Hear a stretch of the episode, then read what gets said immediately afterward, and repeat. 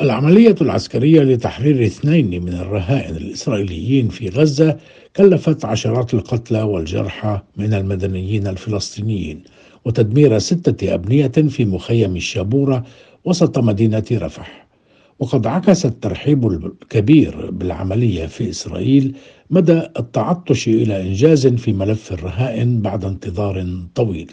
لكن وسط تجاهل لإعلان حركة حماس أول من أمس الأحد أن القصف الإسرائيلي أدى إلى مقتل اثنين وإصابة ثمانية من الرهائن ثم إعلانها أمس وفاة ثلاثة من المصابين. وبطبيعة الحال أتاح تحرير الرهينتين لرئيس الوزراء بنيامين نتنياهو توظيف العملية في الدفاع مجددا عن خطة التوغل في رفح قائلا إن الضغط العسكري المتواصل حتى النصر وحده يؤدي إلى إطلاق سراح جميع الرهائن.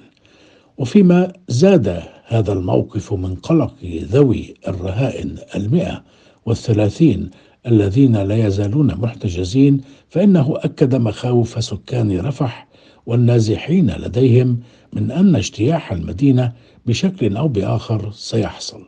حتى أن كثيرين منهم بدأوا مسيرة نزوح إلى مناطق يعتقدون أنها آمنة في دير البلح وخان يونس والمواصي. لكن نجاح تحرير الرهينتين أنذر حماس وبقية الفصائل بضرورة تغيير الإجراءات التي اتخذتها للاحتفاظ برهائنها أي أنه سيصعب تكرار العملية حتى لو توفرت معلومات استخبارية دقيقة وإلا فإنها ستكون مكلفة جدا حتى للقوة المهاجمة.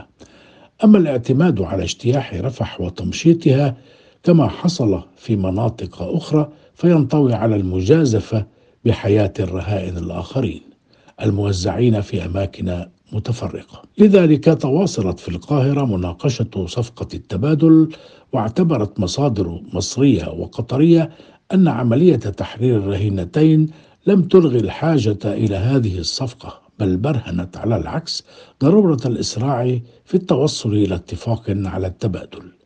وفي السياق قال البيت الأبيض أمس إن اتفاقا كهذا لا يزال ممكنا أما الخارجية الأمريكية فلم تر في الغارات الإسرائيلية على رفح بداية هجوم شامل واستبعدت أن يكون لها تأثير في مفاوضات التبادل. في غضون ذلك أمرت محكمة هولندية أمس بحظر صادرات قطع غيار لطائرات اف 35 إلى إسرائيل بسبب مخاوف من استخدامها في انتهاكات